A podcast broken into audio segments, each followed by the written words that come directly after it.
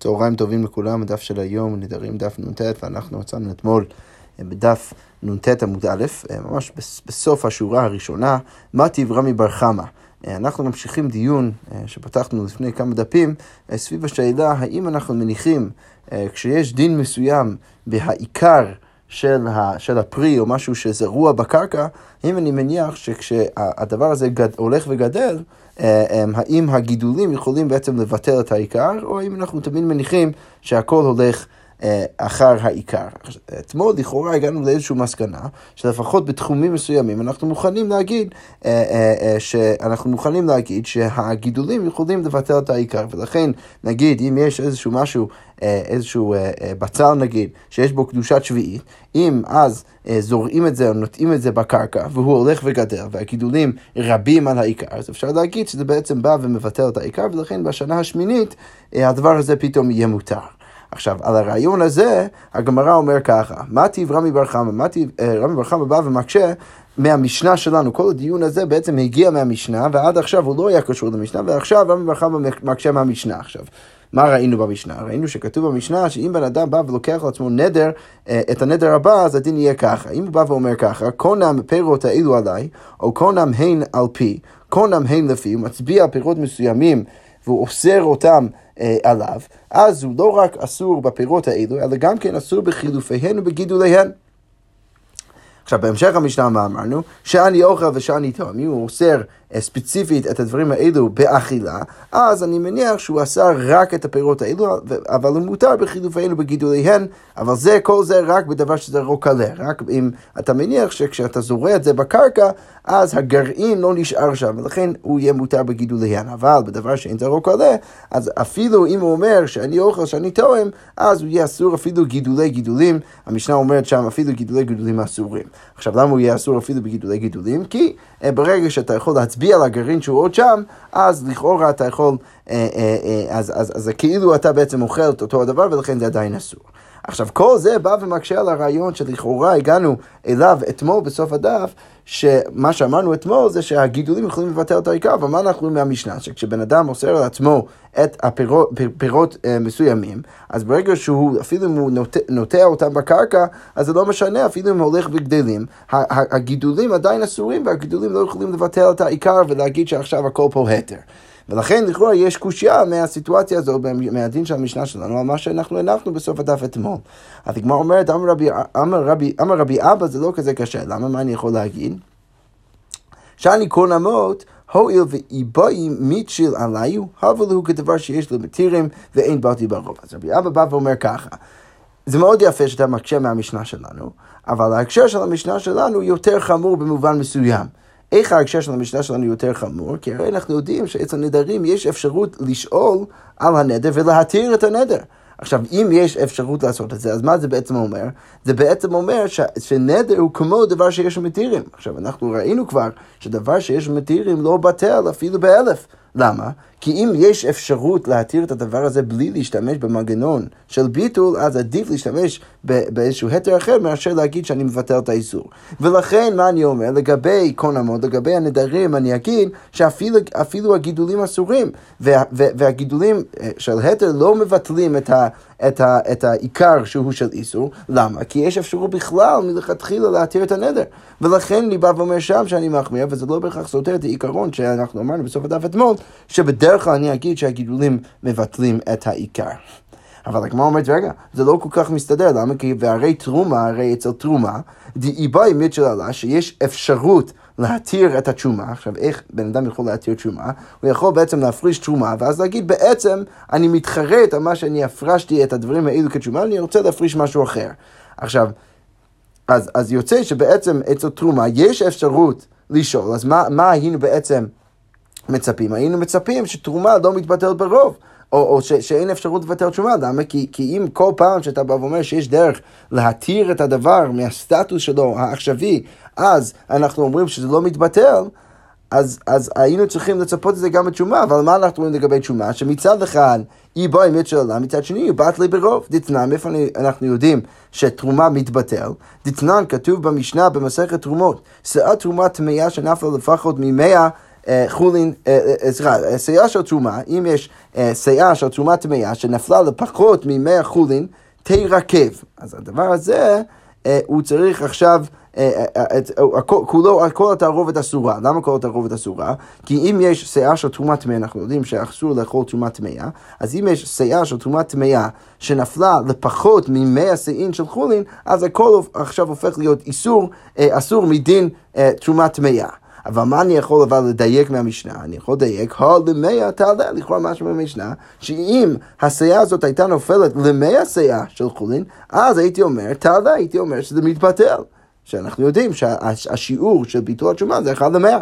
אז מה אני רואה עכשיו? אני רואה שמצד אחד תשומה, יש אפשרות להתיר את התשומה, מצד שני אני רואה שזה גם מתבטל. עכשיו, מה זה אומר? זה אומר שלענייננו, מה היינו צריכים להגיד אצלנו? שזה שאצל נדרים יש אפשרות להתיר את הנס, זה לא בהכרח אומר שזה לא אמור להתבטל.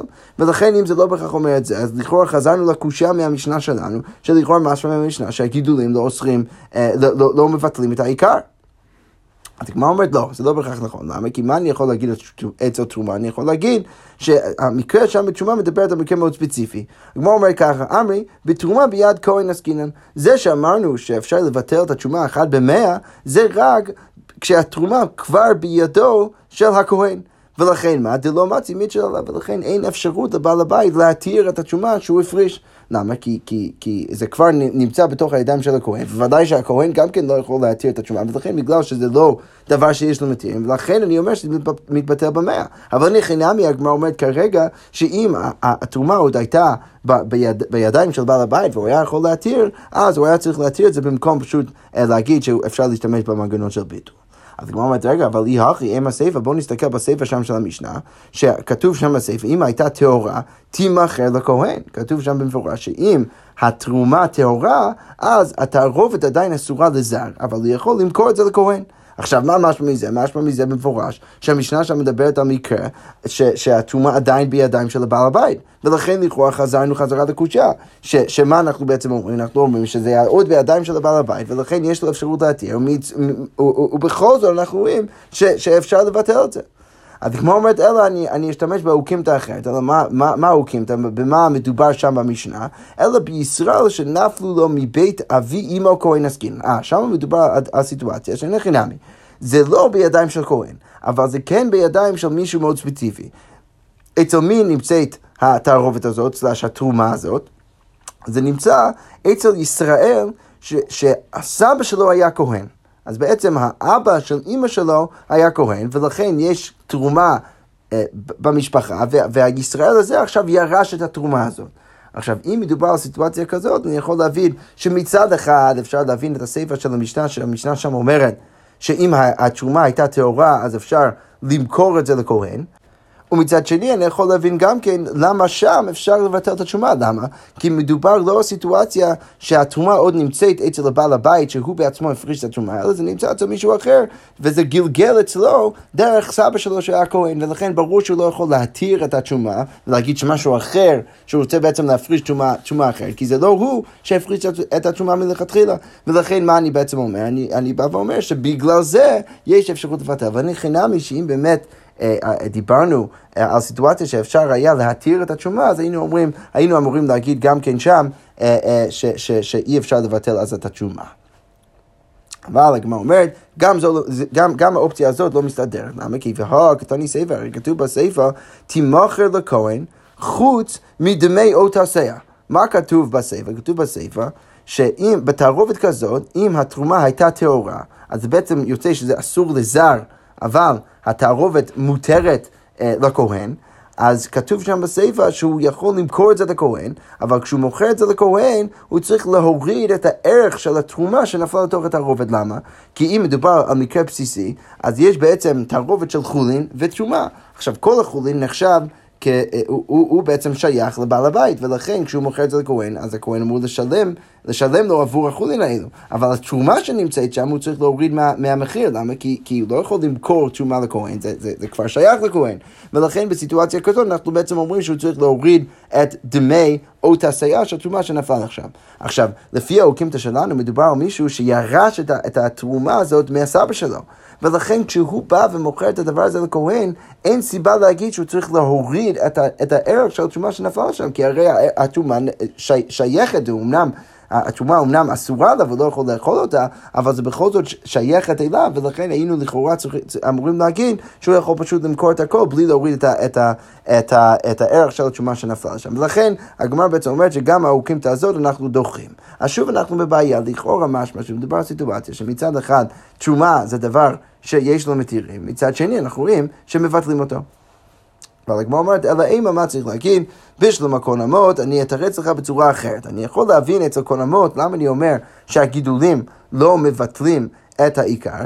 כי אצל קון אמות מצווה לאצ'ולי עליהן, משום דרבי נתן. יש מצווה, זה לא רק שיש אפשרות להתיר את הנדר, זה גם כן אפילו מצווה להתיר את הנדר. אליבא דרבי נתן, דאמר רבי נתן, כי הרי רבי נתן כבר אמר, כל הנודר כאילו בנה במה, כל בן אדם שנודר, אז הוא כאילו בונה במה לעבודה זרה. והמקיים הוא כאילו מקטיר הלב, ובן אדם שמקיים את הנדר, הוא כאילו מקטיר עבודה זרה על גבי במה מחוץ לבית המקדש. עכשיו, מה אנחנו רואים משם? שהעיקרון הוא שאנחנו רוצים כמה שיותר להתרחק מהנדרים. ולכן לגבי נדרים, זה לא רק שיש אפשרות להתיר את הנדר, אלא זה גם, אנחנו גם מעודדים את התרת הנדרים, ולכן, מה אנחנו אומרים? ולכן שם אני אומר שזה נחשב כדבר שיש למתירים, ולכן אני יותר מחמיר, ואני אומר שהגידולים לא מבטלים את העיקר. אבל אצל תרומה, התרומה, הגמרא אומרת, מהי מצווה ליצ'ולי עלה? אין שום מצווה להתיר את התשומה, ולכן שם אני אומר שלמרות שיש אפשרות תיאורטית, זה לא מצווה לעשות את זה, ולכן אני אומר ש, ששם התרומה מתבטלת. יפה, אז כל זה בעצם אבל רק לתרץ את, את הקושייה של המשנה שלנו על הרעיון הזה שהגידולים לא מבטלים את העיקר. אוקיי, עכשיו אנחנו עוברים לעוד ממרה שראינו דרך כל הסוגיות האלו, והגמרא אומרת ככה, גופה אמר רבי יוחנן, רבי יוחנן בא ואומר, ליטרה בצלים שתקנה וזרעה. מה קורה אם יש איזושהי כמות מסוימת של בצלים, שבעל הבצלים תיקנה, הוא תיקן את כל הבצלים, מה, מה הכוונה תיקן? הוא הפריש תרומות ומעשרות, ואז זרע את הבצלים בקרקע. עכשיו, רבי יוחנן בא ואומר שמתעשרת לפי כולה, אז עדיין צריך שוב להפריש תרומות ומעשרות לפי הערך אה, אה, או לפי, לפי הכמות של כל מה ש, ש, שיוצא משם בשדה. עכשיו, לכאורה משמע מזה, שמה רבי יוחנן בעצם בא ואומר? רבי יוחנן בא ואומר שלמרות שחלק מהבצלים שעכשיו יוצאים מהקרקע, הם לכאורה מגיעים מבצלים שהוא כבר הפריש מהם תרומות ומעשרות, אני בא ואומר שבעצם כל מה שגדל בשדה מבטל את העיקר, ולכן הוא צריך עכשיו להפריש תרומות ומעשרות על כל מה שיש בשדה. אז הגמרא אומרת, יתיב רבא וקרמר להשמט. אז רבא יושב והוא מלמד, הוא שונה את, את האמירה הזאת של רבי יוחנן. עכשיו, רב חיסדא שומע את הדבר הזה והוא מטמא. אז הגמרא אומרת, אמר לי רב חיסדא, רב חיסדא בא ומקשה רבא, מן צייד לך לרבי יוחנן רבך? מי מקשיב לך ולרבי יוחנן רב שלך? הרי מה אני יכול להגיד נגד מה שרבי יוחנן אמר? היתר שבהן להיכן הלך? לאן הלך ההתר שהיה שם? הרי יש בצלים שהוא כבר הפריש מהם תרומות מעשות ורק אחר כך זרע אותם. עכשיו אתה רוצה להגיד שהוא צריך עכשיו להתייחס לשדה כאילו אה, אה, כאילו הוא לא הפריש תרומות ומעשרות משום דבר בשדה, ולכן הוא צריך להפריש שוב תרומות ומעשרות, הרי לאן הלך ההתר של הדברים שהוא זרע אותם אחרי שהוא כבר הפריש מהם תרומות ומעשרות? אז הגמרא אומרת, אמר לי, זה מאוד יפה שאתה בא ומקשה, אבל אנחנו יודעים ממשנה, אה, ממסכת שביעית, שהדין לא ככה, לא כמו שאתה אומר. מי לא תנן דקבתה, הרי יש לנו משנה בדיוק כמו רבי יוחנן, מה כתוב במשנה במסכת שביעית, שראינו אגב אתמול בדף, בצלים שירדו עליהם גשמים וצמחו, יש בצלים של השנה השישית, אבל ירדו עליהם גשמים בשנת השמיטה וצמחו, ואז הם, הם, הם, הם המשיכו לגדול. אז אם היו העלים שלהם שחורים, אם העלים שלהם שחורים, אז, אז, אז אני מניח מדעית שהם עדיין יונקים מהגשם של שנת השמיטה, אז מה אני אומר? אני אומר שהבצלים האלו, האלו עכשיו אסורים, יש להם קדושת שביעית. אבל אם הוריקו, אם העלים שלהם יותר ירוקים, אז אני אומר שהם עכשיו מותרים. למה? כי, כי אני מניח שהם כבר לא יונקים מהגשם של שנת השמיטה, ולכן הם מותרים. עכשיו, לפי שיטתך, הרב בא ואומר לרב חיסדא, לפי שיטתך רב חיסדא, וכי שחורין, מה יסורים? למה שאם העלים הם שחורים, אז, אז עכשיו בצלים צריכים להיות אסורים? הרי למה היתר שבהם להיכן הלך? היינו צריכים להגיד, לאן הלך ההתר שבהם? הרי ההתר שלהם משנה, מהשנה השישית צריך עכשיו לבטל ו- ובעצם להכריע שהדברים האלה מותרים למרות שהם גדלים אה, בשביעי, לפי שיטתך רב חיסדא, אתה לא יכול סתם לבטל את ההתר. אז הגמרא אומרת, אמר לי, רב חיסדא בא ואומר לרבא, רגע, מי סברת על עיקר קטנים? אתה חושב שכשאנחנו אסרנו את הדברים האלו במשנה שם במסכת שביעית, אנחנו אסרנו את הכל?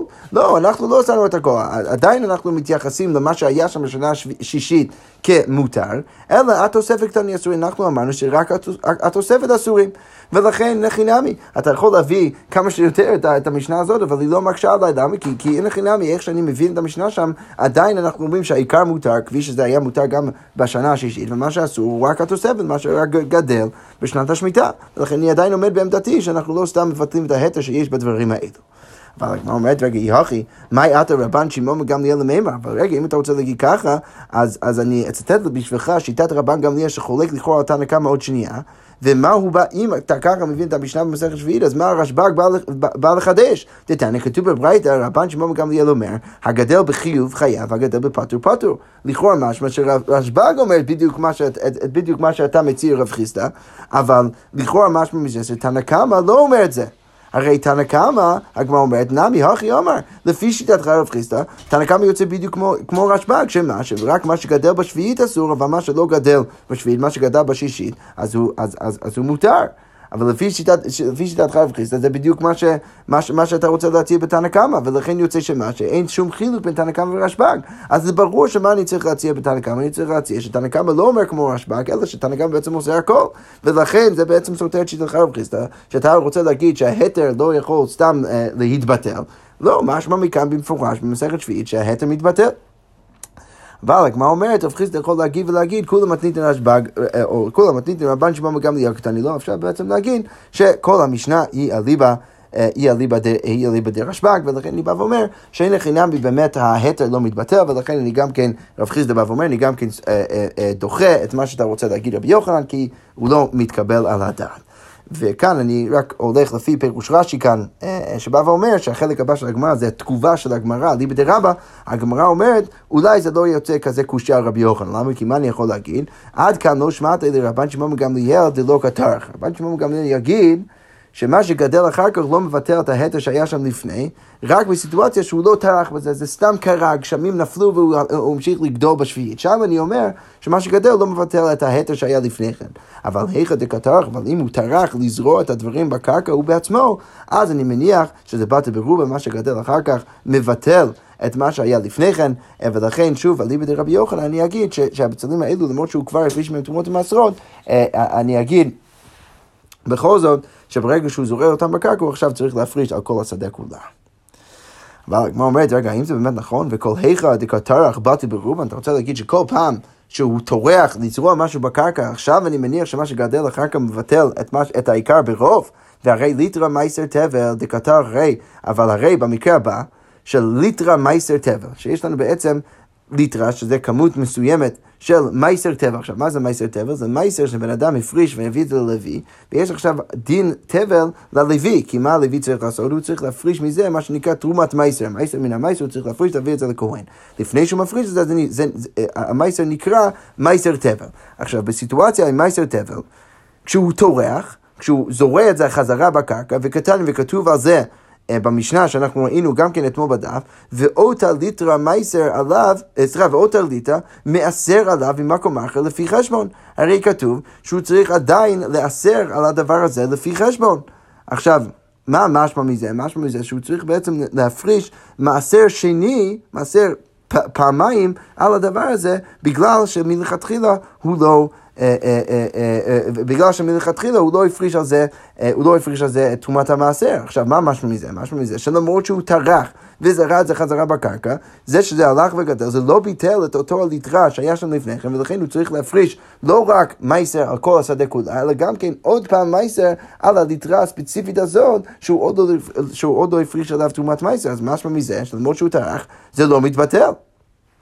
אז הגמרא אומרת, אה, אני יכול לתרץ לך ולהגיד, שאני גבי מייסר דאמר קרא עשר תעשר. כתוב בתורה שבן אדם צריך לעשר את כל התבואה שלו.